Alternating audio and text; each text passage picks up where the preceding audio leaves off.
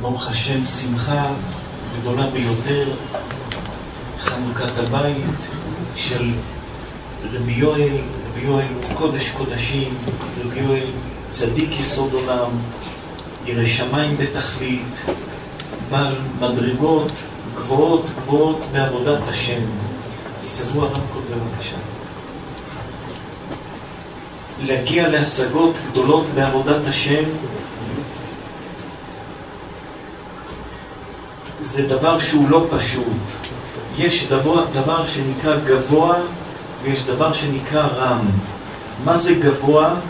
גבוה זה דבר שגדל אבן על אבן על אבן על אבן עד שהגיע לגובה גדול. ורם זה משהו שנמצא למעלה, אבל הלמטה אין בו כלום. יש המון אנשים שהסבא שלהם והאבות שלהם היו קדושים והיו גדולים, ואז מחזקת הסבות, האבות, הסבא שלי, סבא שלי, האח שלי, הכך שלי, היה צדיק, היה גדול, אז הוא רם, הוא למעלה. רבי יואל מגיל שלושים יום מהפדיון הבן שלו. רבי יואל מסר נפש במסירות נפש עצומה על כל שובה ישראל. כל מה שרואים שובה ישראל, רבי יואל מסר נפש מגיל שלושים יום. מיום פדיון הבן שלו, רבי יואל במסירות נפש עצומה, גדל בקדושה, בטהרה, בדבקות בהקדוש ברוך הוא, צומות של הפסקה לפחות ארבע, חמש פעמים בשנה, גלגולי שלג, קדושה אסור לומר זה, ואין הנחתום מעיד על עיסתו, דבקות בהקדוש ברוך הוא, עבודת השם זכה וברא, גאונות עצומה בתורה, דבקות בהקדוש ברוך הוא, זכינו בזכות עצומה, זכות גדולה ביותר, רבי יואל הוא קודש קודשים, קודש קודשים, קודש קודשים זה, אנחנו בטוחים שאבות בשמיים שמחים בו שמחה גדולה ומרובה ומיוחדת ומשהו שונה מכל מה שקורה בדור האחרון, בכל הדורות האחרונים. יש בו אור גדול ומשהו מיוחד עם אמת ויושרה ודבקות בהקדוש ברוך הוא, שלא קשה למצוא הדברים האלו. ברוך השם שמחה, חנוכת הבית, על בית זה ויושבהו כברכת אליהו, יהיה סייעתא דשמיא גדולה, יהיה הצלחה גדולה, יהיה שפע גדול, יהיה נחת, הקדוש ברוך הוא, בריקותי לכם ברכה בגדי, ישפיע שפע עצום, ויהיה בעזרת השם אור גדול. יביאו בעזרת השם, בבקשה, תתחילו למסור שיעור בצדקת הצדיק, רבי צדוק הכהן מלובלין, שזה משהו מיוחד, רבי צדוק הכהן מלובלין זה קודש קודשים, זה תורה מיוחדת, יתחילו לפחות פעם בשבוע למסור שיעור קבוע על רבי צדוק הכהן מלובלין. אנחנו יודעים שהנפש שלכם קשורה ברבי צדוק, יתחילו ללמוד, לתת את השיעור, תורות של רבי צדוק הכהן, ובעזרת השם, זכות רבי צדוק הכהן, יהיה אור גדול, ישועה גדולה, שמחה גדולה, וסייעתא דשמיא מרובה, סייעתא דשמיא מרובה. הזוהר הקדוש של רבי יואל הצדיק מגדל ומחזק הזכות של הזוהר הקדוש, יהיה אור גדול, שמחה גדולה וכל הטוב בעזרת השם. בשבת קודש דיברנו על התלמידים של הישיבה של מנהטן. ברוך השם, אנחנו, רבי יואל אמר לנו, עשר שנים לא היה את הרוח של התורה והרוח של המיוחדות שיש בישיבה במנהטן. בבקשה צדיקים, תמשיכו את זה ותגדילו את זה ות... תפרו את זה, תרבו את זה. אנחנו, יש לנו המון נחת מהתלמידים בישיבה פה במנהטן. אשריכם צדיקים, כל אחד ואחד מיוחד, מיוחדות גדולה ביותר. יהיה בעזרת השם אור גדול, שמחה גדולה, רבי מאיר אליהו הצדיק, תלמידים מיוחדים, כן?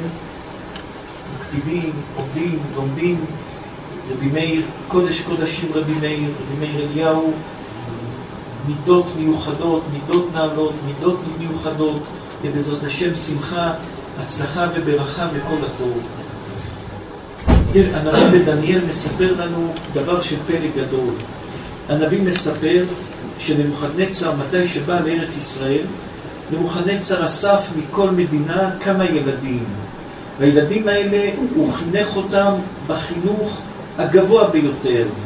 הוא לקח אותם לאוניברסיטות הגבוהות ביותר והגדולות ביותר, וגידל אותם בבבל שיהיו נערים, ילדים שיגדלו ויהיו יועצים שלו, עוזרים שלו, ויהיו החכמים ביותר, הנבונים ביותר, המוצלחים ביותר, מבינים בכלכלה, מבינים בחשבונות, מבינים בדברים של חוץ, מבינים בכל מה שממלכה צריכה.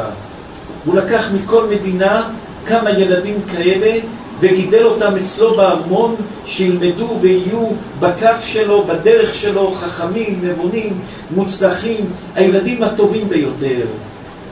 שמענו על כמה אנשים גדולים כמו אדמו ספרא, שהוא היה איש מיוחד בעל מידות רמות, שהוא היה בא למרוקו ולעוד מקומות, לוקח נערים צעירים, שולח אותם לאוניברסיטה, היו גודלים מוצלחים, והוא היה לוקח אותם לעבוד אצלו בבנק שלו. גם פה באמריקה שמענו על המון עשירים עצומים שהם היו הולכים לכל מיני מדינות, בוחרים ילדים מיוחדים, יהודים, לוקחים אותם, משלמים להם את הלימודים, מגדלים אותם להיות חכמים, זה בפיננסים, זה בכך, זה בכך, וכך גם היו עושים חסד וגם היו לעסק שלהם נאמנות חזקה של אנשים עם נאמנות גדולה שהוא גידל אותם מקטנות. אז נבוכדנצר הרשע שהיה מלך בבל, הוא הלך ולקח מארץ ישראל וכך מכל מדינה ומדינה כמות של ילדים קטנה, מובחרים שהיו באותו תקופה, באותו מקום, וגידל אותם בארמון עם האוכל הטוב ביותר, הלימודים הטובים ביותר, השינה הטובה ביותר, כמו בני מלכים הוא גידל את הילדים. היה בקבוצה הזאת חנניה, מישאל ועזריה ודניאל.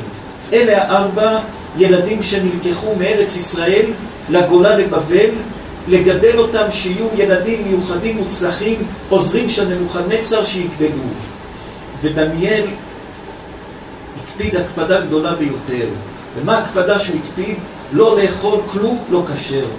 כל מה שהוא היה אוכל, היה אוכל כשר. עד שהוא הגיע לרעב ולמצבים קשים ביותר. הוא שמר על עצמו בקדושה גדולה לא לאכול פת עקום, לא לשתות יין של גויים, לא לאכול דבר שיש בו חשש שלא כשר. הוא גדל בארמון עם כל השפע שבעולם והיה חי רק מפירות, ירקות, דברים מינימליים, לשמור על הכשרות.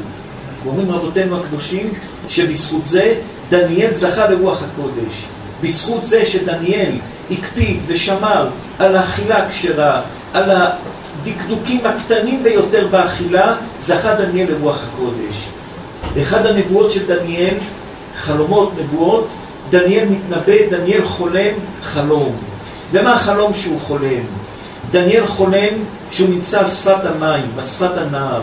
ידוע שכל נביא שהתנבא בארץ ישראל יכל להתנבאות בחוץ לארץ. נביא שלא התנבא בארץ ישראל לא יכל להתנבאות בחוץ לארץ. והמקום הטוב ביותר שאפשר להתנבאות זה על המים.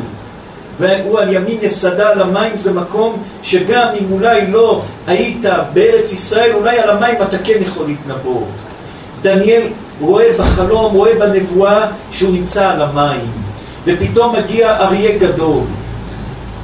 אחרי כן פתאום מגיע דוב גדול, ואחרי כן פתאום מגיע, אה, אה, אה, פתאום מגיע, פתאום נמר גדול, ואחרי כן פתאום הוא רואה כמו חיה שהיא לא מובנת, כמו מפלצת, מברזל כולה מגיעה, ואחר כך מגיע אדם. הוא התעורר והוא לא הבין מה החלום הזה, מה החלום שהוא חולם. אריה דוב, נמר, ואז כנמר. נמר, משהו מברזל ואדם. מה החמש דברים שהוא חולם? מה ארבע חיות שהוא חולם? מה נמצא בארבע חיות שהוא חולם? ואחרי כן הפירוש של החלום, הפירוש של הנבואה שהוא חולם, אריה זה בבל.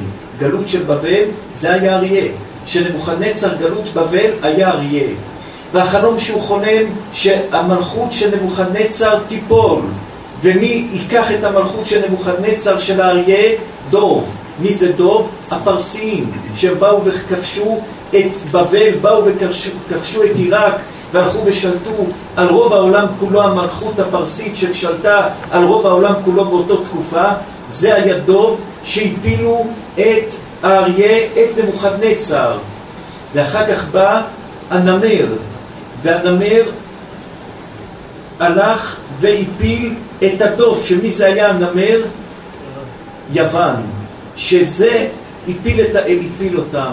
ואחרי כן, אחרי הנמר בא ברזל, משהו מפלצת, כמו מפלצת, כמו דבר שקשה להבין, משהו כמו דבר דמיוני שהוא חלם, זה מלכות הרומא, זה הרומאים שכבשו את ארץ ישראל, וכבשו את כל העולם כולו.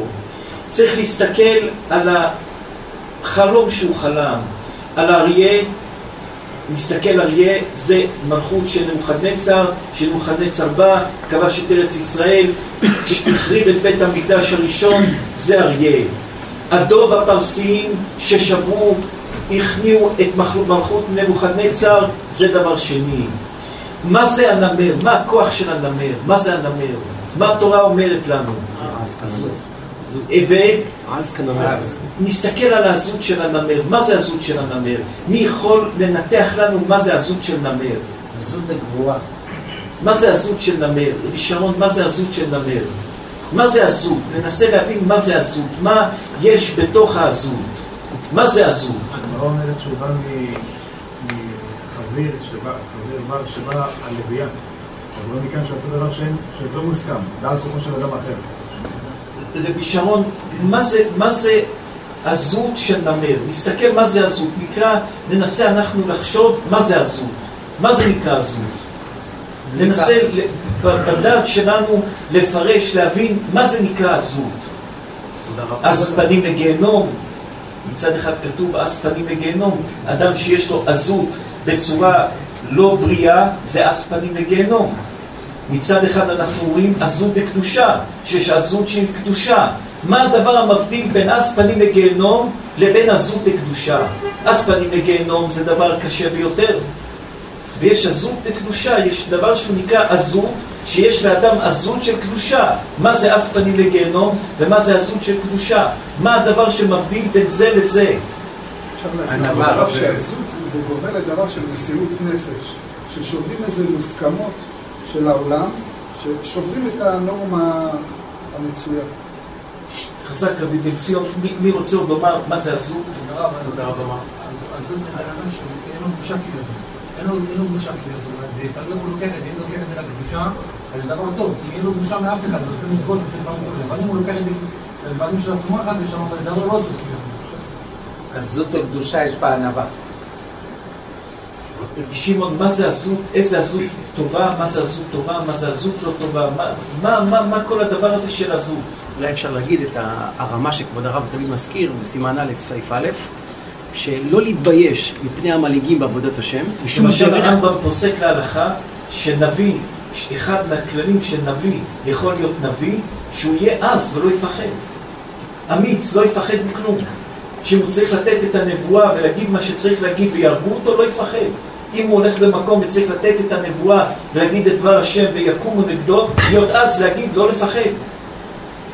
אז, אז האם עזות זה משהו, אז, פנים לגיהנום? או עזות זה משהו טוב? עזות זה... ומה זה בכלל כל המהות של עזות? אם נסתכל על נמר, אז ואז כנמר, מה זה נמר?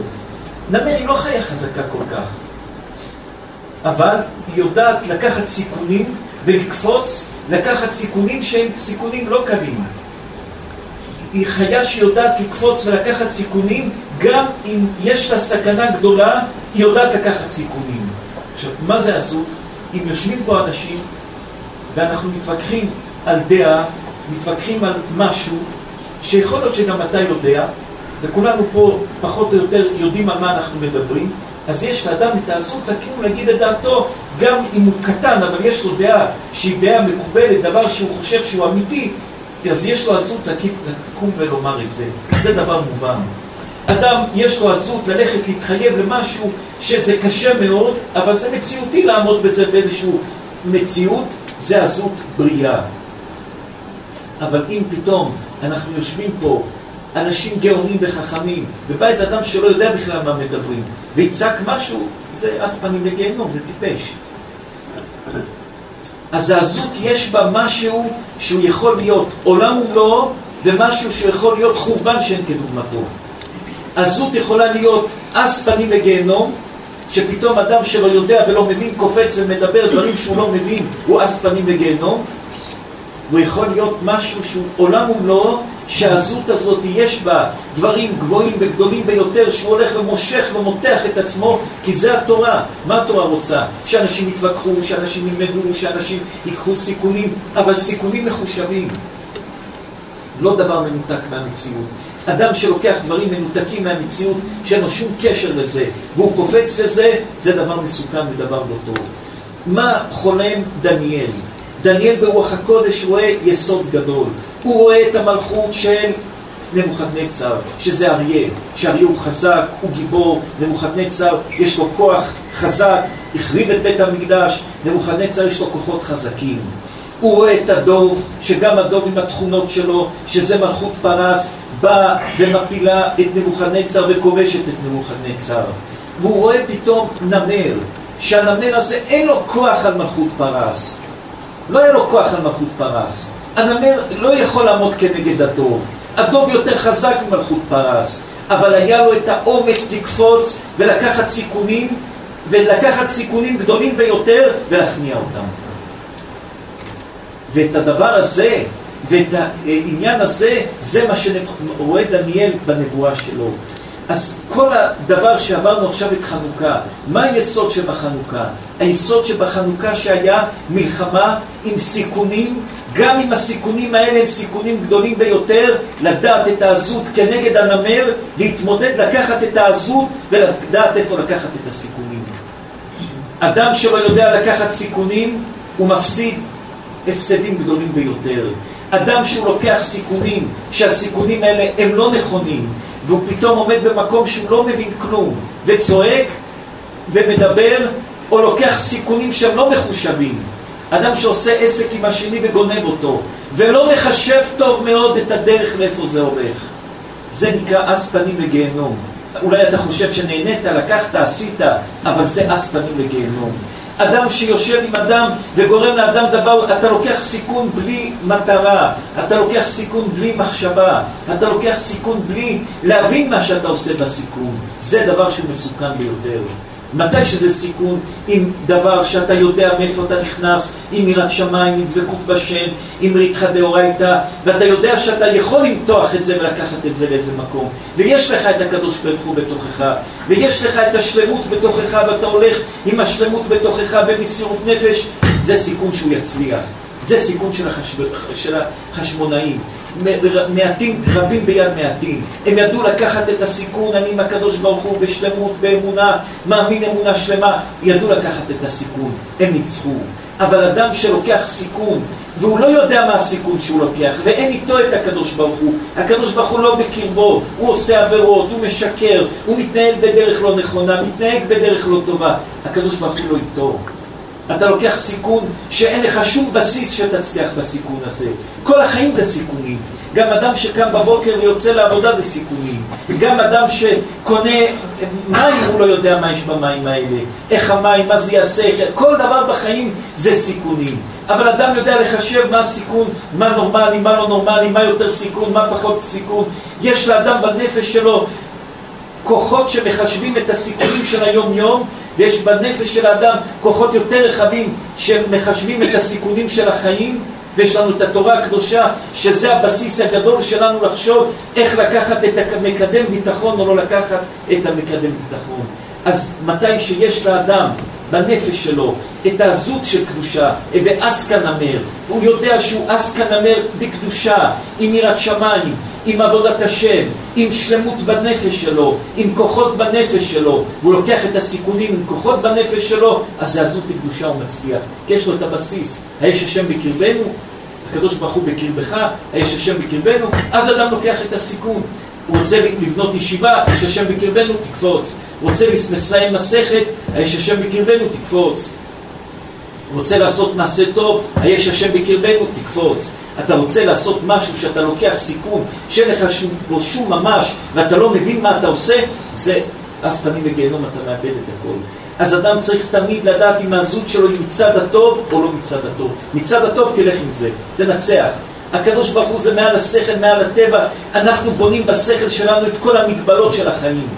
אנחנו בונים לעצמנו את כל המגבלות של החיים.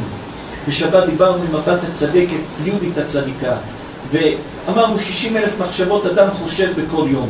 60 אלף מחשבות כל היום אדם חושב. גם כשיושנים חושבים 60 אלף. ויהודית הצדיקה הוסיפה ואמרה ש-90 אחוז מה-60 אלף מחשבות אנחנו חושבים מחשבות שכבר חשבנו אותן. רק 10 אחוז זה מחשבות חדשות. כביכול אדם שקוע ב-90% באתמול, בשלשום, לפני חודש, לפני שנה. אדם לא יודע להתנתק לחיים, למציאות, לעולם חדש. אדם צריך לדעת, 60 אלף מחשבות אתה חושב, אתה יכול לחשוב אותם ולשחזר מחשבות וככלב שב אל קיאו, לחזור על אותן מחשבות, על אותן דאגות, על אותם פחדים. הוא רב איתי, הוא אמר לי, הוא פגע בי, הוא עשה לי. אתה חוזר על אותם דברים 60 אלף, 90 אחוז מ-60 אלף מחשבות ביום. ואם אתה יודע לשחרר את זה, ואתה יודע לזרום, ואתה יודע לחשוב מחשבות אמיתיות, ויודע לחשוב את הדברים בצורה נכונה, אז אתה מחדש את החיים שלך, ואתה לא מגדל, לא שם סביבך מים שלא זורמים, שנהיה בקטריה ונהיה כל הדברים הרעים. אתה נותן לדברים לזרום, להמשיך. אתה לא משאיר את הדברים עומדים במקום שנבנה שם יובש ועובש ובקטריה ודברים לא טובים. 60 אלף מחשבות צריך לחשוב אותם, אבל לחשוב אותם ולזרום. ולא שייתקע על 90 אחוז מהמחשבות שאתה רק משחזר את אתמול ושלשום ולפני חודש ולפני שנה ואתה רק לוקח את העבר שלך אלא תדע להכניס בחיים שלך מים חדשים שהמים, הנהר של החיים שלך יזרום אז זה ואז כנמר זה מתי שיש לך ריתחא דאורייתא ויש לך היש השם בקרבנו ואתה לוקח את הסיכונים עם את היש השם בקרבנו. ואז אתה אז כנמר וזה עזות קדושה ואם אתה עזות דתומה, ואתה אז פנים לגיהנום, אין לך כלום, ואתה סתם צועק בכלום, ואתה רוצה לגנוב ולצעוק, ואתה רוצה לשקר ולצעוק, ואתה רוצה סתם להיכנס למקום שאתה לא מבין, ושיקבלו את דעתך ויביעו ולהביע את דעתך, ושדעתך תישמע במקום שאתה לא מבין מה אתה מדבר, זה אז פנים לגיהנום. כי הכבוד שלך אומר לך שהדעה שלך פה תתקבל, זה אז פנים לגיהנום. כי הכבוד שלך רוצה עכשיו שאתה תצליח, זה אז פנים לגיהנום. ואדם צריך שהדעות שלו והמחשבות שלו לא יהיו בגדר של אספנים לגיהנום, אלא בגדר דעזות של קדושה, דעזות של תורה ושל יראת שמיים. אני רוצה לומר דבר? לקח סיכונים לא מחושבים, והיה בבחינת האספנים לגיהנום, וגם בעט הגיהנום, איך יתקן את זה? תלוי במה, תלוי איך. אדם עושה תשובה, וחטאתי לנגדי תמיד, אז זה כל, זה כל הספר של התשובה. תשובה זה דבר שהוא, לומדים את זה מדוד המלך. מתי שדוד המלך חטא עם בת שבע, כל הסיפור של דוד ובת שבע זה סיפור מפחיד ביותר. מי שרוצה לפתוח את הנביא, לקרוא את הסיפור של דוד ובת שבע, במוצאי שבת, אתמול בלילה, ישבנו ולמדנו את הסיפור של דוד ובת שבע, זה סיפור שהוא פחד פחדים.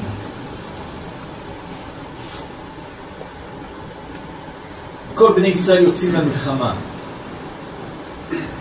בני ישראל הולכים למלחמה, מלחמה קשה ביותר. יואב בן צויה, שר הצבא, יואב בן צויה מוביל את המלחמה של בני ישראל בשדה הקרב, במקום הקשה ביותר. דוד המלך עולה לגג בשמעון.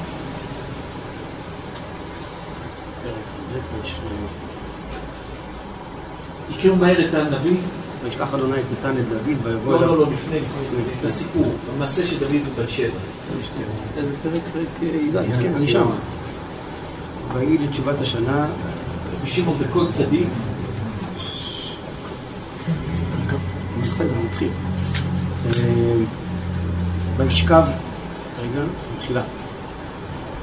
ויהי לתשובת השנה לעצת המלאכים, וישלח דוד את יואב ואת עבדיו עמו ואת כל ישראל, וישחיתו את בני עמון, ויצורו על רבה, ודוד יושב בירושלים. דוד שולח את הצבא שלו למלחמה, ודוד המלך יושב בארמון שלו בירושלים. ויהי לעת הערב, ויקום את דוד... ערב בצהריים לקראת ערב, דוד המלך היה נח בצהריים לקראת ערב, ויקום דוד מעל משכבו, דוד המלך נח, קם מעל משכבו, ויתהלך על גג בית המלך, דוד המלך מתהלך על גג בית המלך, וירא אישה רוחצת מעל הגג, כן, והאישה טובת מראה מאוד, רוחצת, מעל הגג. מה, היא הייתה על הגג? ויראה דוד אישה רוחצת מעל הגג. למרות מה זה מעל הגג? הייתה על הגג? איפה הייתה? מה זה מעל הגג? מה הלשון הזה מעל הגג? רבי שמעון, מה זה מעל הגג? הלאה. וישלח דוד, וידרוש לאישה, ויאמר, הלא זאת בת שבע. יש מדרש שאומר, וידרוש דוד, יקראו מהר את כל ה... את כל ה... את כל ה...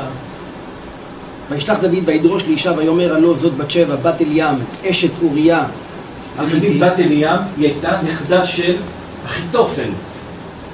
בת שבע הייתה נכדה של אחיתופל, יש מפרשים שאומרים. היא הייתה נכדה של אחיתופל בת שבע. וישלח דוד מלאכים ויקחיה ותבוא אליו וישכב עמה והיא מתקדשת מטומאתה ותשוב אל ביתה. והיא מתקדשת מטומאתה כביכול, הייתה בזמן של טומאה. הלאה. ותער האישה, כביכול מתקדשת מטומאתה, כביכול רוחצת אולי מקווה, אולי מה, הלאה. ותער האישה ותשלח ותגד לדוד. האישה מתעברת, היא שולחת, אומרת לדוד שהיא בהיריון. וישלח דוד אל יואב. בשביל מה היא שולחת להגיד לו את זה? היא פחדה, מה קרה? בשביל מה שולחת להגיד לו את זה? וישלח דוד אל יואב. ואם אישה נשואה זה ממזר, נכון?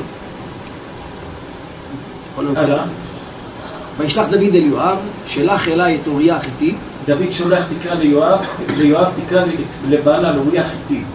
וישלח יואב את אוריה אל דוד. ויבוא אוריה אליו, וישאל דוד לשלום יואב, ולשלום העם, ולשלום המלחמה. דוד שואל את יואב, את אוריה, אוריה, מה שלום יואב, מה קורה במלחמה, תספר לי מה קורה.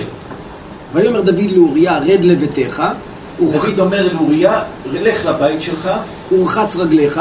תרחץ את הרגליים שלך, אז היו הולכים ברגל מלוכלכים, ורחץ רגליך. ויצא אוריה מבית המלך, ותצא אחריו. זה מה שדוד המלך אומר לו, לך לבית שלך, תרחץ את הרגליים שלך, ולך לבית שלך. אוריה יורד למטה. וישכב אוריה פתח בית המלך. אוריה יורד למטה בארמון, ולא ילך לבית שלו, אלא שוכב בחוץ, איפה שכל העבדים יושבים, השומרים מחוץ לארמון, יושב שם בחוץ ויושב, שוכב בחוץ. נכון, דוד אומר לך, לך לבית. ומה הוא עושה? לא הולך לבית. נשאר מחוץ לארמון בדלת, שוכב בחוץ ויושן בחוץ. וישכב אוריה פתח בית המלך את כל עבדי אדוניו ולא ירד אל ביתו. את כל עבדי אדוניו, מה פירוש שכל העבדים של דוד רואים שהוא נשאר פה. האם הוא ידע מה קרה? איך ידע? למה הוא לא הולך לבית? כי יואב בצבא, כל החיילים בצבא, אני אפקיר אותם, הוא אומר לי להיכנס לחופש. דוד אומר תלך לבית. ולמה הוא יושב דווקא בהפגנתיות בחצר? לך לאיזה בית מדרש תישן. בחצר, נשאר בחצר. אולי להראות שלא טוב לי, לא נח לי בהוראה שלך. דוד. כופר במלך? כן. טוב, הלאה.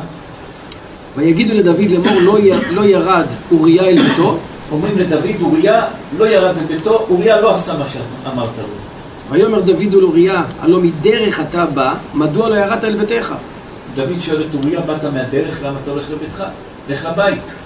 ויאמר אוריה אל דוד, הארון וישראל ויהודה יושבים בסוכות, ואדוני יואב ועבדי אדוני... מה זה ואדוני יואב? הוא קורא לשר הצבא אדוני? דוד המלך הוא האדוני. הלאה. ואדוני יואב ועבדי אדוני... אז רואים שיש לו פה איזשהו מתח עם דוד. דוד אומר לו לך לבית, הוא לא שומע. דוד המלך, הוא בהפגנתיות יושן בחצר, בדלת של הארמון.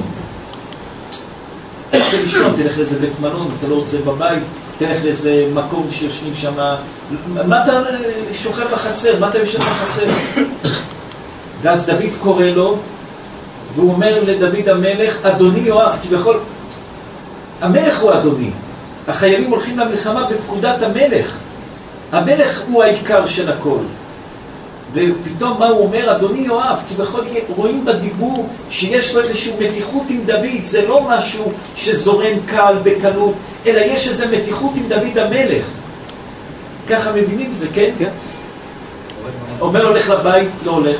נשאר בהפגנתיות בחצר לישון, תלך לבית, מה אתה נשאר בחצר? אתה לא רוצה בחצר, לך לדודה שלך, תישן אצלה. לך אצל השכנים תישן.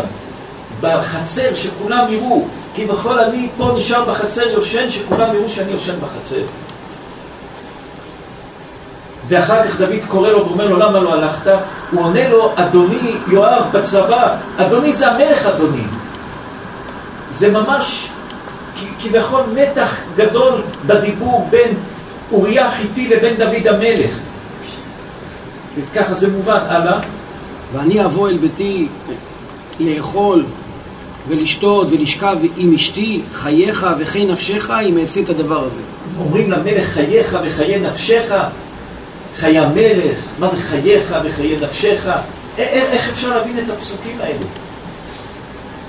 רבי שמעון, איך אפשר להבין? חיי המלך, אדוני יואב, ליואב בן צרויה שר הצבא הוא אומר אדוני יואב, ולא הוא אומר חייך וחיי... תדבר, אתה מדבר עם המלך, מה אתה נשבע? ליואב שר הצבא אתה אומר אדוני יואב, ולמלך אתה אומר חייך, חבר שלך, אדם שמדבר עם רב, צריך להגיד לו כבוד הרב, בלשון, בלשון ש, ש, שנייה, מישהו שמדבר עם מישהו מכובד, בלשון שנייה, לא הרב, אתה, אני, בלשון מכובדת. אז לשר הצבא הוא קורא אדוני יואב, ולדוד אומר חייך, חייך, החיים שלך, אני אלך לבית, איך אני אעשה את זה? איפה הכבוד? ליואב אתה מכבד, ודוד אתה מדבר חייך בלשון שלו של כבוד? והוא עוד לא יודע כלום. משמע, אפשר להבין כך ואפשר להבין כך. אפשר להבין שהוא לא... אפשר להבין שהוא לא יודע כלום. אז מה יש לו עם דוד? עבדו לו חזן למזל חזן? מה, לחוצפה כזו? פחד, ואם הוא כן מבין, ידע, הוא הרגיש שהוא הבין משהו, אז הוא כביכול אומר, אני לא הולך לבית לא לכסות את מה שעשית. בהיריון מחר יגידו, זה הוא היה בבית, כי אם לא איך בהיריון, והיא לתרומתה, אותו יום טבלה במקווה, היא ידעה שהיא במקווה. אז היא לא הייתה בהיריון, פתאום בהיריון אם הוא לא בצבא, איך? אז הוא אמר, אני מוצר יושן פה למטה, שכולם יראו שאני למטה. לא הלכתי לבית. ומתי שדוד קורא לו, הוא אומר, אדוני יואב, אני נשאר נאמן לחברים שלי, לצבא, לכאן המלך כבר לא נאמן. ומתי שדוד מדבר איתו, אומר לו, חייך. נכון, אין לי איזשהו כבוד מיוחד אליך. להבדיל, כמו שיוסף אמר על פרעה, חיי פרעה. כן, זה, זה, איך אפשר להבין את זה אם לא, אם רבי יונתן, איך אפשר להבין את זה, כן? נכון, אנחנו עושים כן, אדם שחוזר מהדרך צריך ללכת לאשתו, למה לא לאשתו? למרות מה אתם רוצים לומר? אנחנו ממשיכים הלאה. ואנחנו רק חושבים איך שאתמול קראנו את הנביא ואיך ניסינו לחשוב את הנביא הזה באיזה צורה. הלאה. הוא הביא עליו מיטה באותו רגע. הלאה. ויאמר דוד אל אוריה, דוד אומר לאוריה, שב בזה גם היום, תישאר פה גם היום, ומחר אשלחך. מחר אני אשלח אותך לשדה הקרב. וישב אוריה בירושלים ביום ההוא וממחרת. אוריה נשאר בירושלים, לא הולך לבית שלו, לא הולך לשום מקום, נשאר בבית שלו אותו יום ולמחרת. ויקרא לו דוד ויאכל לפניו. דוד קורא לו, ליד דוד הוא אוכל. וישת וישקרהו. שותה ומשתכר. ויצא בערב לשכב במשכבו עם עבדי אדוניו, ואל ביתו לא ירד. ירד, אכל, שתה, השתכר, ירד לשכב לישון איפה? עם עבדי דוד, במחסן של הפועלים, של הארמון, ולבית שלו הוא לא הלך. דוד מנסה לשקר אותו כדי שירד לבית. לא, לא יורד לבית. הוא לא יורד. ויהי בבוקר, ויכתוב דוד ספר אל יואב. בבוקר דוד כותב ליואב בן צרויה. וישלח ביד אוריה. כותב לו מכתב, אומר לו, תיתן את המכתב הזה, מכתב סודי, ליואב בן צרויה. ויכתוב בספר לאמור, הבו את אוריה אל מול פני המלחמה החזקה. הוא כותב דוד ליואב בן צרויה בספר, תשים את אוריה החיתי, במקום המסוכן של המלחמה. ושבתם מאחריו וניקב המת. תשמעו מה הוא אומר, הוא אומר, תרוצו עם הצבא קדימה, תשאירו אותו שם ותברחו. זה ככה הפסוק, כן? ממש ככה. תחזרו על הפסוק. ויכתוב בספר לאמור. כותב בספר לאמור. הבו את אוריה אל מול פני המלחמה החזקה. הבו את אוריה. אל מול פני, המלחמה החזקה. איפה ששיא הקרב. ושבתם מאחריו. ותברחו, תשאירו אותו שם לבד. וניקב המת. והוא יפצע שם, יראו בו וימות. ככה זה הראשון של הפסוק. כן? זאת אומרת, פה דוד רוצה עכשיו להציל את עצמו. כדי אנחנו ימות. קוראים נביא, איך שבראש מבינים, קוראים נביא כך. כן? ויהי בשמור יואב אל העיר, וייתן, מתי שיואב שמר על העיר, וייתן את אוריה אל המקום אשר ידע כאנשי חיל שם, איפה שהוא ידע שהצד השני חזקים, יחידות של צבא חזקים של הצד השני, ויצאו אנשי העיר וילחמו את יואב, נלחמו עם יואב, ויפול מן העם מעבדי דוד, וימות גם אוריה החיתי. אז לא קרה מה שדוד אמר. מה דוד אמר? שיחזרו. תשימו אותו ותברחו לו. יצאו לקרב, והוא מת בקרב. הוא לא, לא שמו אותו באיזשהו מארב וברחו לו החיילים. שמו אותו, היה קרב קשה בין אלה ואלה, והוא נפל ומת. זה נביא, אה, כך מבינים עכשיו. וימות גם אוריה, למה גם אוריה? כי בכל זה היה כמו משהו צדדי. אז נסתכל, יש שתי, שתי דברים שרבותינו הקדושים אומרים. דבר אחד הגמרא אומרת שמישהו משבט לוי, כל שבט יהודה שהיה יוצא למלחמה, מה היה עושה? גט כריתות. היה נותן גט על תנאי. היה נותן גט על תנאי. אז אשתו של אוריה החיתי הייתה עם גט. אם הוא היה הולך לבית, הגט היה נופל. בזה שהוא לא נכנס לבית, הוא עוד היה בשדה הקרב, הוא לא נכנס לבית. אז בזה היה הצלה עצומה לדוד. אם הוא היה נכנס לבית, זה גט כריתות, זה גט, והגט נפל, הוא צריך לתת לה גט חדש, ואין גט. זה, זה הכי לא ברור, למה דוד עושה את זה? למה אתה שולח אותו הביתה? כדי שלא יהיה גט. ואז זה יוצא שבאמת הילד ממזר. ודוד מתעקש ומתעקש.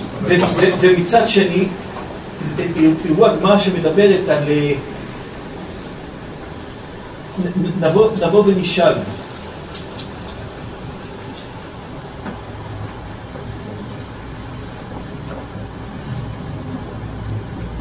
הגמרא אומרת שבת שבע הייתה, היה גם בגדר של אונס בת שבע, כן?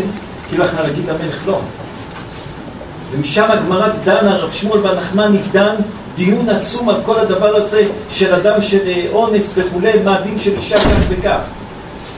רבי שמעון, אתם יכולים להוציא את הגמרא הזאת? כן.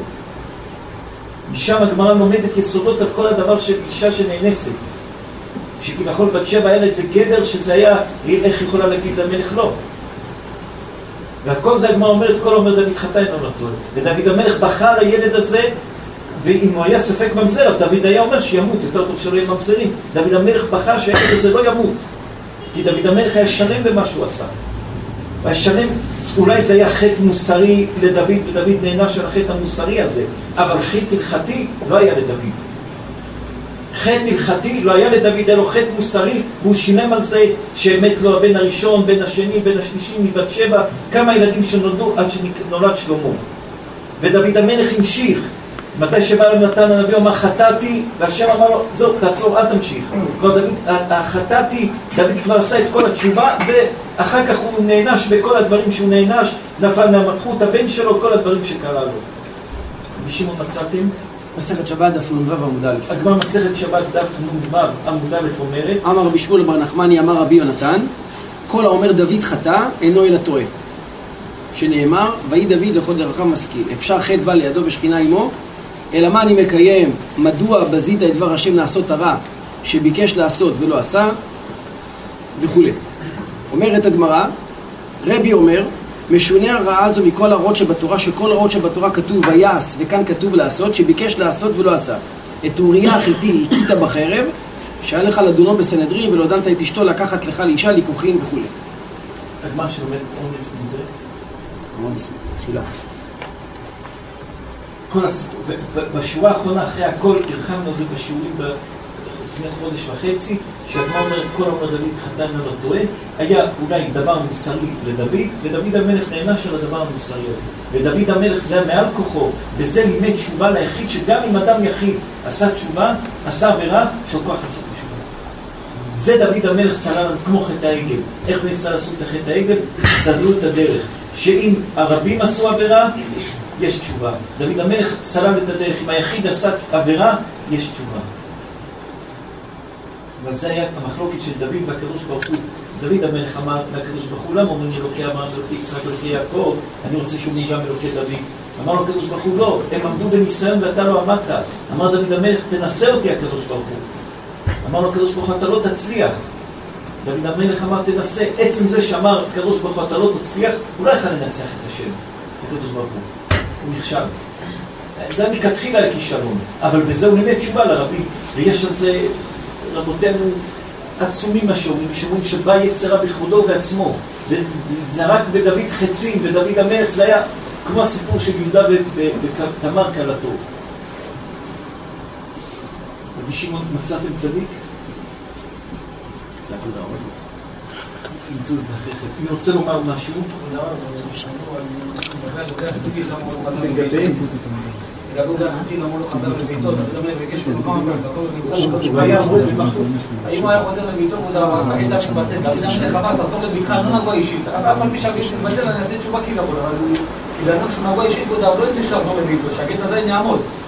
אבל למה הוא תחזור לביתך, תחזור לביתך, כי דוד המלך לא היה בדבר, כאילו, הוא עשה את זה בשם שמיים מוחלט, כי אם הוא היה חוזר לביתו, עדיין מתבטל, למה הוא תחזור לביתך.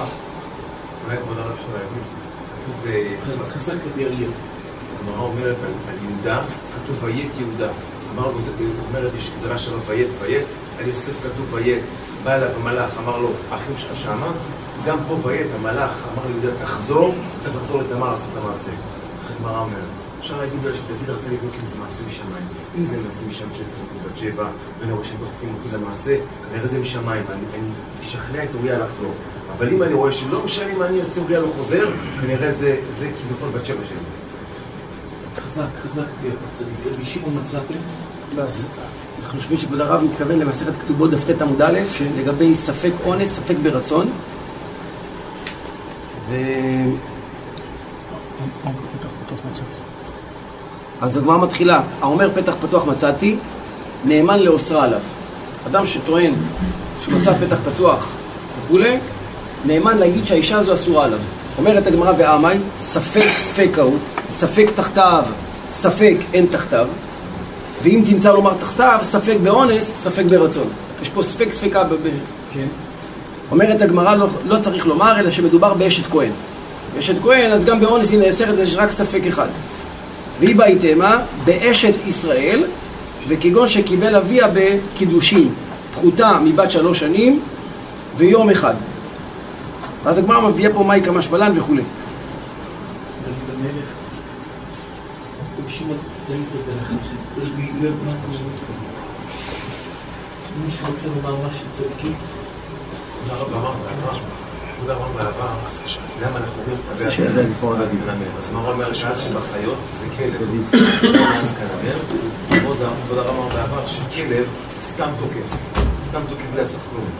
נמר הכוח שלו שבחיים לא יתקוף אף בן אדם אלא אם כן תקפו אותו.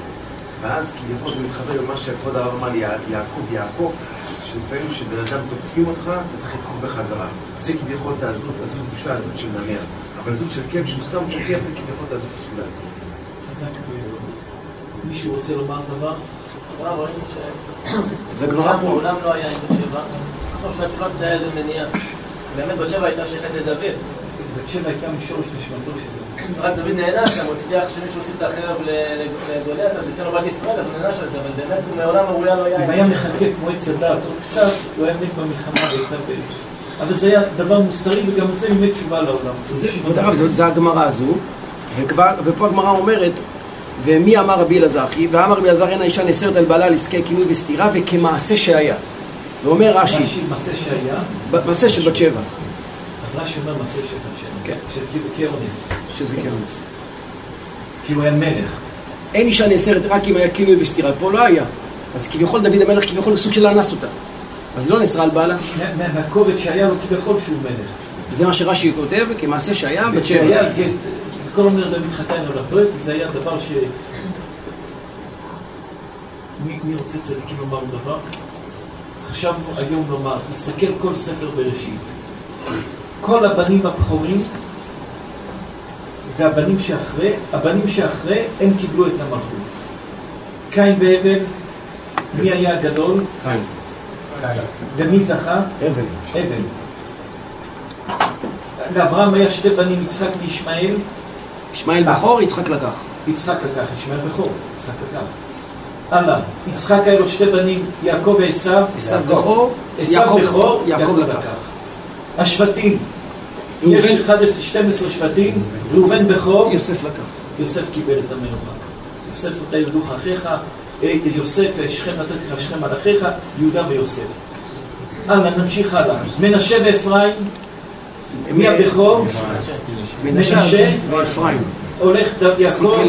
מסובב את הידיים, נותן את הגדולה לאפרים. למה? כל ספר בראשית, מתחילת הספר עד סוף הספר, כל האחים, מה עושה ההורים, מה עושה הקדוש ברוך הוא, מניח את הבן הבכור ונותן לבן השני. למה?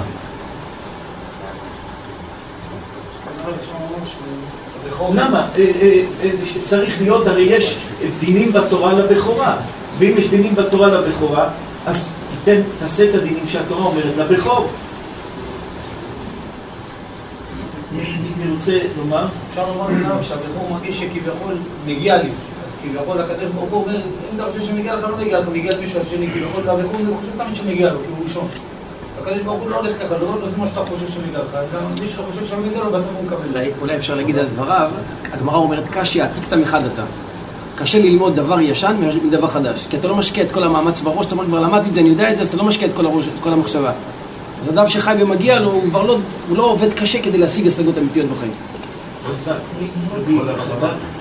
אפשר אולי לומר שהבכור זה לאו דווקא הבכור בגיל, אלא הבכור זה המהות של האדם. זאת אומרת, המהות של אברהם אבינו זה היה יצחק.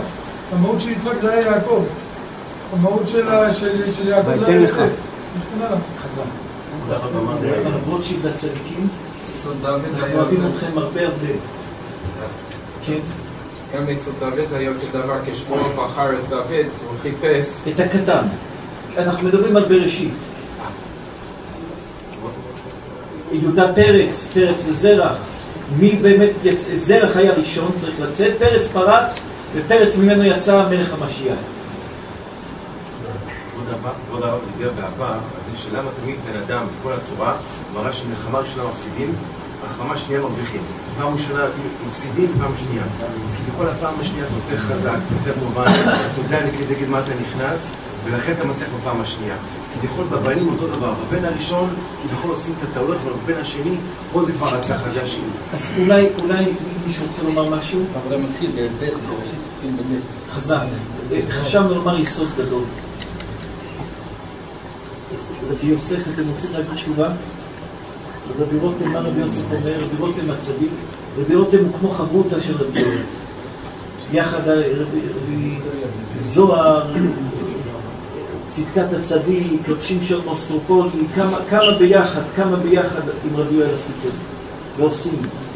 מה מה רבי רותם? יכול לומר שכאילו אנחנו כמו אנדרדוג, כאילו זה העם היהודי. תמיד אנחנו כביכול למטה, אבל בסוף מנצחים, אז ככה הוא מראה כאילו שתמיד האחים הקטנים מנצחים כביכול. רבי יוסף, חשבנו אה, לומר היום יסוד גדול, שזה לאו דווקא האחים, האח הגדול, האח השני, לא, זה לא מחייב על האחים, אלא זה מחייב אותנו ללמוד מפה יסוד גדול. לכולנו בחיים יש הרבה התמודדויות. לכולנו בחיים יש פתאום מישהו בא ועושה לנו עוול גדול, מרגיז אותנו, מפריע לנו. ואיך אנחנו רגילים לענות? בכל מיני אינסטינקט, ביד. עושים ככה, אני עושה כך. בלי הרבה מחשבה. עשית כך, אני עונה כך. הלכתי ברחוב, מישהו אמר משהו לא יפה, מיד אני עונה לו. התורה הקדושה מלמדת אותנו, לא א', התורה לא התחילה באלף, אלא התחילה בבית. מה פירוש בבית? תחשוב, אל תיתן את המחשבה הראשונה, אל מה שעולה לך עכשיו תענה, תריב, תצעק, לא. הבן השני, תחשוב את המחשבה השנייה. קין והבל, לא קין לקין, לא מלשון בנים. הבל, תשמע, תחשוב עוד פעם. יצחק וישמעאל, תחשוב עוד פעם. יעקב ועשיו, תחשוב עוד פעם. מנשה ואפרים, תחשוב עוד פעם, כמו רבי יוחנן. אה, רבי יוחנן, מתי שמת רבי, רבי, רבי שמעון בן לקיש, כולם אה, חשבו להביא מישהו שילמד איתו, הביאו לו מי הביאו לו? את רבי אלעזר בן פדת, הכל הוא אמר לו, אתה צודק, אתה צודק, הוא אמר, אני לא רוצה אותו. אני רוצה מישהו ש... משהו אחר, תחשוב משהו אחר. בן אדם כל הזמן צריך לחשוב על האיפכא מסתברא, תחשוב משהו אחר. לא עכשיו מה שבא לי מיד, כן, אמרת לי כן, אני אגיד לך לא. לא בגלל שהרגזת אותי מיד אני אענה לך. תעצור, תחשוב יותר. ניקח את זה ל... ל... אפשר לפרש איזה פירוש אחר ולפלפל למה תמיד המספר 2 ולא האחד בספר בראשית, כי תמיד הקדוש ברוך הוא הסתיר את הדבר המיוחד בראשית העולם בספר בראשית במספר 2, כי השטן בא למספר 1. ויש על זה עוד הרבה פירושים, אבל לקחת מפה מוסר לעצמנו, אפשר לקחת מוסר בצורה זו. שבן אדם, מה שיש לך בחיים, אל תלך בדחף הראשון שדוחף אותך קום ותעשה. תחכה. תחכה, תשמע עוד פעם, תראה עוד פעם, תרד לעומק של הדברים עוד פעם, ו- וכל אחד צריך לדעת מה היסוד שלו ומה מה הוא צריך להשיג, לא מה אני צריך לענות, מה, לא מה אני אראה פה עכשיו יותר חזק, יותר חכם, מה אני אגיד עכשיו זה יעשה אותי יותר טוב, לא, אלא תחשוב מה יותר טוב, מה שתעשה באמת, לא מה שתיראה בפני אנשים, לא מה שתצעק בפני אנשים, אלא מה שטוב לדבר שאתה עכשיו עומד בפניו, מה באמת בריא לזה, מה באמת טוב לזה. אפשר לדייק שלמה ראובן איבד את הבכורה? פחס כמים על תותר. פזיזות. פזיזות, והפזיזות זה הדבר הקשה. כי יכול אל תרוץ בדבר ראשון. כמו קוראים אצל כלב בן יפונה, מתי שבאו בני ישראל, ויעש כלב את, את, את, ויעש כלב את העם על משה. כלב צעק, כולם חשבו, בא להיות כמונו, לחזק את דברינו, אמר להם, משה הוציא אותנו ממצרים, כביכול תמיד תחשוב משהו אחר. אל תעשה דברים אוטומטית, זה קרה כך, מיד לענות כך. זה אמר לי כך, אני אענה לו כך. זה התקשר, שלח לי הודעה כזאת, אני אענה לו הודעה יותר קשה. הוא עכשיו קיבלתי כך, אז אני אענה לו יותר קשה לו. יש דברים בחיים, וכמה שהדברים יותר חשובים, ויותר כבדים, ויותר בעלי משקל, ויותר בעלי משמעות, תהיה יותר מתון, לחשוב יותר מתון, ואל תענה בצורה אוטומטית. יש רבי אליעזר פפו שמספר סיפור מפחיד, שהסיפור הזה כל החיים הולך איתנו. היה איזה אדם שהפעם היה חיים קשים ולא היה פרנסה, והיה דברים קשים איך שמשיגים פרנסה. התחתן עם אשתו, אחרי כמה חודשים, היא, אולי לא בהיריון או כלום, הוא הלך לדרך נידודים, דרך ארוכה, להביא פרנסה לביתו. ואומר הפלא יועץ רבי אליעזר פפו, הוא לא היה בבית שלו עשרים וכמה שנים, רץ מעיר לעיר, ממדינה למדינה, בסוף בא לבית שלו. אחרי עשרים וכמה שנים בא לביתו. והוא שמר בנאמנות לאשתו, ואסף כסף, ובא להיכנס לבית. בא להיכנס לבית, הוא שומע את אשתו מדברת עם מישהו בבית. שלף את החרב, רצה להיכנס להרוג אותה, אבל הוא אמר, האבא שלו לפני שנפטר ביקש, אל תעשה אף החלטה חשובה בחיים עד שתישן, לילה. בבוקר תעשה. הוא אמר, טוב, בבוקר אני אקום ואני ארוג אותה. בבוקר הוא בא, הוא שומע את אשתו אומרת לאיש הזה, אם אבא שלך היה יודע שלפני שהוא נסע לפרנסה ל-20 שנה שאני בהיריון, כמה היה שמח בך והיה מחתן אותך, אומר רבי אליעזר פפו, זה יסוד גדול. שום החלטה בחיים, אל תדון את השני, אתה לא יודע את המצב של השני. זה הפזיזות שדיברנו עליה בתחילת השיעור. זה הפזיזות. אדם חייב להיות מתון, מתון בכל הדברים. אנחנו רואים מתי שיעקב אבינו מברך את השבטים, הוא מגיע לדן. ומה יעקב אבינו אומר לדן? אתה ידוך אחיך. תוציאו ממנה דן, דן יודוך אחיך, והברכות שיעקב אבינו מברך את דן הן ברכות מיוחדות ומשווה אותו גם לאריה. נו, מילים מחכימות.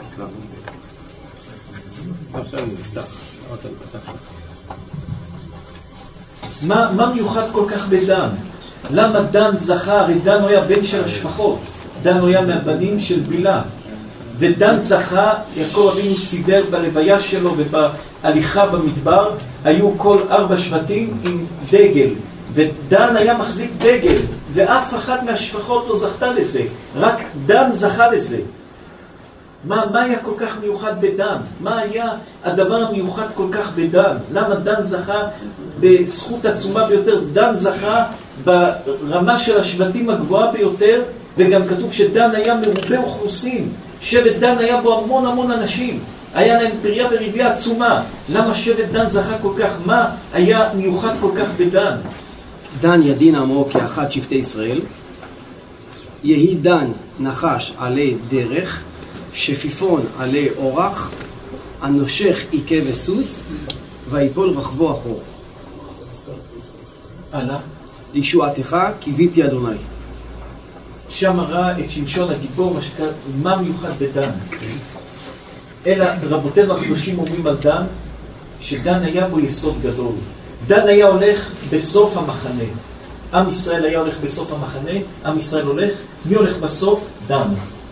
מה דן היה עושה? דן היה אוסף את כל מה שכולם היו מאבדים. אדם נאבד לו טלפון, דן מוצא את הטלפון, כי כולם מתקדמים, הוא אחורה. נאבד לו טלפון, דן מוצא את הטלפון, קח את הטלפון. אדם נאבד לו שעון, דן בסוף הולך בסוף, מוצא את השעון, מחזיר לו את השעון. עבודה של דן הייתה להחזיר לאנשים מה שאיבדו. זה היה עבודה של דן. ולא רק אנשים מה שאיבדו, הרבה פעמים יש ישיבה או יש קהילה, ופתאום מישהו מהקהילה הוא נאבד. מה פירוש נאבד? אין לו חשק ללמוד, אין לו, הוא לא עובד טוב, הפרנסה שלו לא טובה, ולאט לאט הוא מידרדר אחורה, אחורה, אחורה, אחורה, עד שהוא ממש מגיע לשבט דן, עומד לצאת מחוץ למחנה. מה שבט דן היה עושה? עוטף אותו, מחבק אותו, לוקח אותו, מחזק אותו וממשיך איתו. זה מה שדן זכה, וזה הייתה המיוחדות של דן. שדן ידע להיות בסוף, לאסוף את כל אלה שאחורה. יש הרבה אנשים שהם עומדים רק בחזית, וצועקים בחזית, ונותנים פקודות בחזית, והם נותנים הוראות בחזית, והם עוזבים את האנשים של האחורה. ואנשים של האחורה שמתדרדרים והם לא יודעים איך לתפוס אותם ולחבק אותם ולעזור להם ולהרים אותם, הם נאבדים. והזכות והמעלה של אלה שיושבים אחורה ואוספים את אלה מאחורה שנשכחו ונאבדו ויודעים לאסוף אותם ולקחת אותם חזרה קדימה, זוכים על זה להרים שבט, להרים דגל וזוכים על זה לדברים גדולים שיעקב מברך את דן. ולכן גם מה עשה עמלק? כל הנחשלים אחריך, הוא בא לשבט דן. לקחת את אלה שמסכו אותם, את כל האנשים השבורים בנפש, אותם הוא ניסה להפיל. מי, רוצה צדיקים לומר דבר? זה כתוב, אגב, זה כתוב בנאמר, כתוב בקפידיה, שנאמר היה כשהולך בדרך, הוא הולך שמה ופה, שלא יראה רכב או מישהו אחר מגיע, כאילו, אפילו אז כנאמר ש... יש לו עזות? עזות, אבל הוא רואה פה ופה שלא יראה רכב שמגיע, שלא ילך ברחוב. זה כתוב. זה כמו שהרב אומר, אפילו יש עזות, אבל... אבל צריך להיות חכם. בעזות צריך להיות חכם, כי עזות שהיא לא עזות בריאה, היא עזות מסוכנת. זה אס פנים לגיהנום, אתה יכול לאבד את הכל. ועזות שהיא עם חוכמה, ואתה יודע שיש לך את הבסיס, כמו שאתם רואים כתוב, שהנמר הולך נזהר, מסתכל פה, מסתכל פה, זה עזות נכונה. אנשים חושבים, אה, זה ללכת לקפוץ סתם, אנשים רבים, אז אני אראה, אני אז אני... לא, זה טיפש. זה אס פנים לגיהנום. זה אתה מפסיד את החיים שלך.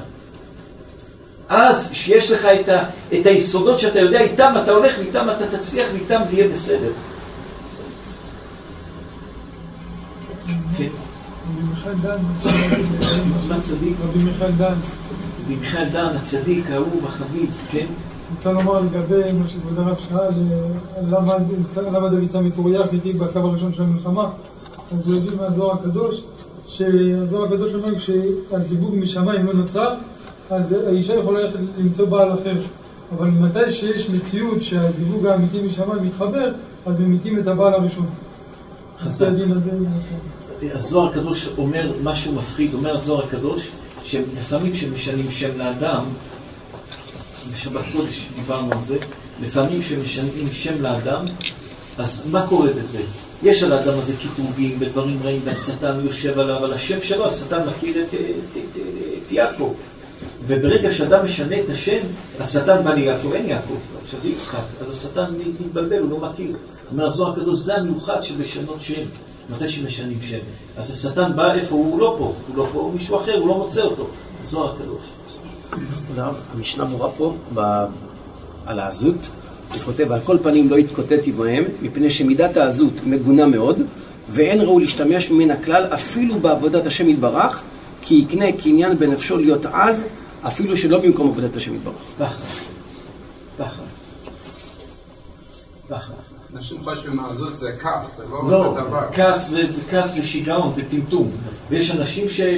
יש אנשים שגם הם לא כעסנים, אבל הם למדו שכל דבר, צועקים, למה? כי אבא צעק. משהו, האוכל לא בסדר, למה האוכל לא בסדר? במה? האוכל לא בסדר, מחר יהיה בסדר, בשביל זה צועק. אבל הוא ככה התרגל. הוא בא לבית, דבר לא מסודר, הוא צועק. למה? הוא, הוא מתנהג בכעס, מה? הרבה, ואז אדם מאולף לכעוס, זה, זה לא... אדם צריך להיות מתון, ולא לא כל דבר, לא כל דבר ממשהו ראשון, ממשהו דחף ראשון, תשובה, לריב, לצעוק, אה, תחשוב. תעשה את הדברים סוף מעשה במחשבה תחילה, תחשוב. תחשוב מה אתה אומר, תחשוב לא בפעם ראשונה מה שיוצא לך, כעס שיוצא לך, משהו שיוצא לך, לא. תחשוב. תיקח את הדברים בצורה מתונה, תחשוב פעם שנייה. תחשוב פעם שנייה. רבותינו הקדושים אומרים שאדם צריך לחשוב כמה פעמים לפני שהוא אומר דבר, ולפני שהוא כותב דבר, כמה פעמים יותר צריך לחשוב. אנשים כותבים, כותבים, אומרים, מדברים. תחשוב מה שאתה אומר, תחשוב מה שאתה מדבר, תחשוב מה שאתה אומר. הדברים שאדם אומר ועושה בפזיזות, יש לזה משמעות והרס קשה ביותר שאין לו שני. לא כל דבר שאתה רוצה למשל, אדם פתאום אין לו תיאבון לאכול, לא, לא רוצה לאכול. אז אדם אומר, אין לי תיאבון, אז אני אוכל משהו טעים שאני אוכל, שאני אהיה לי תיאבון. לא, זה לא טוב. אין לך תיאבון, סימן שהגוף שלך עכשיו לא צריך לאכול. ואתה אומר, אני אוכל משהו טעים שאני אוכל, אז אתה מכניס את זה למקום שאתה לא צריך, ל... אתה לא צריך להכניס את זה. אדם אין לו שינה, בסדר, אז אל תישן, אתה לא צריך לישון. לא בכוח אני אקח כדור לשינה לישון, אל תישן. אתה לא צריך לישון, לפעמים גם הגוף לא צריך לישון. ואז אדם נכנס לזה, אז אני לוקח עוד כדור, אז בלי כדור אני לא נרדם, אז אני צריך לשתות כדורים, ואז אדם נמכר לכדורים, בלי כדור הוא לא יושן. אתה לא צריך לאכול, הגוף לא רוצה לאכול, אל תאכל, בשביל מה אתה אוכל? בן אדם בנה לעצמו מנגנון, זה אני עוד צריך לאכול שלוש ארוחות ביום, חייב לאכול, זה מצוות דאורייתא שחייב לאכול, מה פתאום? אתה לא יכול לאכול, לא תאכל. אתה לא יושן, אל תישן. זה לא איזושהי מצווה שאתה חייב לקיים אותה, שאתה חייב לעשות אותה. זה, זה, זה ההרס של האנשים שהם עושים דברים שהם לא צריכים לעשות אותם. אז מישהו עכשיו דיבר לך לא יפה, פגע בך, אני חייב לענות, אני כועס, אני חייב לענות לו. לא. עוד שבוע תעיר לו בצורה יפה, עכשיו תענה לו, יענה לך יותר קשה, תענה לו יותר קשה, מאיפה זה יגיע. עוד שבוע תענה לו. יש אנשים שעושים דברים רעים ולא עונים להם, והם לא מבינים למה. כי עושים בחוכמה. מה שהרב אמר שלפעמים זה לוקח כמה, שלוש, שש רגעים כשאדם חושב, אז... מתי שאדם רוצה לקחת החלטה? אחת, שתיים, שלוש, ארבע, חמש. לפני שאתה אומר חמש, תיקח את ההחלטה בהרבה דברים. נגיד אדם רוצה ללכת לשיעור תורה, קום תלך. אם תספור אחד, שתיים, שלוש, ארבע, הגעת לחמש, ברגע שמספר הגעת עד חמש, כבר יצרה יגיד לך אל תלך, אולי תבוא מאוחר, מחר יש לך עבודה. תיקח החלטה לפני שאתה אומר חמש. אדם אומרים לו תיתן צדקה, לא יחשוב עד חמש, לפני חמש תיתן. כי ברגע שאדם מגיע למספר חמש, במוח שלו זורק לגוף כל מיני חומרים שמתחיל להגיד לו כן, לא, לא, כן. לפני שאתה מגיע למספר חמש, תיקח החלטה. הוא אומר שצריך לחשוב, אז זאת אומרת, אחרי ההחלטה... במצווה, מצווה, ללכת לתפילה, צריך לחשוב, איך לשיעור תורה צריך לחשוב, לעשות, לא לעשות דברים שהם לא טובים, צריך לחשוב, לא צריך לתת ליצירה מקום להיתפס. אבל דבר שאדם צריך להחליט משהו שזה לחיים שלו, משהו שהוא חשוב, ודאי שצריך לחשוב ולדעת מה, ולראות את הדברים. אדם אסור לעשות דברים בפזיזות. אחרי ההחלטה לעשות את זה מיד. ולא לתת לזה לחכות. כי אם אדם מתחיל לתת לזה אה, ספקות בראש, כן, לא, לא, כן, אדם נכנס לעולם של, של דמיון, לעולם של בעיות גדולים שזה עושה לאדם לא טוב. שעושים על זה וידוי בכיפור, על חטא שחטאנו לפניך ברגליים ממערות חוץ ורע. מצד אחד הפזיזות, מתוודים עליה, רק, רק על הפזיזות. הפזיזות יש עצמה חזק. אז ראיתי כבוד הרב פעם שכתוב שאיך ידע אדם אם זה יצר הרע או יצר הטוב? אומרים לו בואו בוא נלך, בוא נעשה. אם הוא רואה שקל לו והוא הכל, בז... הכל עף כנשר, תדע זה יצאת יצר הרע, תבדוק. אם אתה שקול, אתה מדוד, אז יש פה אולי דברים מצד היצר הטוב. האם, האם כבוד הרב גם חושב... כן, כן. דברים של קדושה, קשה. ומתי שקשה לאדם, אחרי כן, אחרי כל ניסיון, אחרי כל בעיה, יש לאדם סייעתא דשמיא גדולה. וכל דבר, נגיד עכשיו יש לך קושי בחיים. אתה צריך לדעת שהקושי הזה הוא בא ללמד אותך למשהו יותר רציני, שתהיה יותר בנוי למשהו יותר רציני. מה דוד המלך אומר לגוליית? לשאול המלך לפני שהוא נלחם עם גוליית? היה אריה ודוב ונלחמתי בהם וניצחתי. בשביל מה הוא מספר לו את זה? מה זה סיפורים? הוא מספר לו כל מיני סיפורים? לא. הוא אומר לו, מתי שבא אריה להילחם איתי וניצחתי אותו, הבנתי שמחכה לי איזו מערכה גדולה וכבר הכנתי את עצמי לזה. מתי שבא דוב להילחם איתי, הבנתי שבאה מערכה גדולה ואני מכין את עצמי להילחם עם זה. אני כביכול בנוי ומוכן להתמודד עם דברים גדולים. אז יש לך בעיה, או שתישבר ממנה ותיפול ותהיה עצוב ותהיה שבר כלי, או שתאמר, זה בונה אותי להתמודד עם דברים במצבים יותר קשים. רבי שמעון, כמה זמן עבודות תורה? שם. מישהו צדיקים רוצה לומר עוד דבר? אבל השידוכים של דוד המלך, רואים גם היה לו את אה, בת שבע, שזה בא בצורה לא הכי מופיעה. בעזרת השם השיעור יהיה נשמת ענת חנה בת שמחה. נשמתה צורת וצורה חיים, נפשה בלימודים האלה. מה צדיק? וגם את אה, אביגיל, אשתו של נבל הכרמלי. דוד חשק בה, רצה, בסוף אמרה לו, הכניסה לו את כוח הנגיעה כדי לעצור אותו בדבר הזה. אז רואים, ושתי נשים חשובות, גם בת שבע הולידה את שלמה. אביגיל הייתה בעלת רוח הקודש. אז המהות של השידוכים של דוד האלה, כביכול, שתי הזיווגים האלה, דברים... והאם יש מעלה גדולה בנבל הכרמלי שהוא זכה להתחתן עם, אביגיל לפני כן? היה בו משהו, הוא היה קמצן גדול, מה שאנחנו יודעים.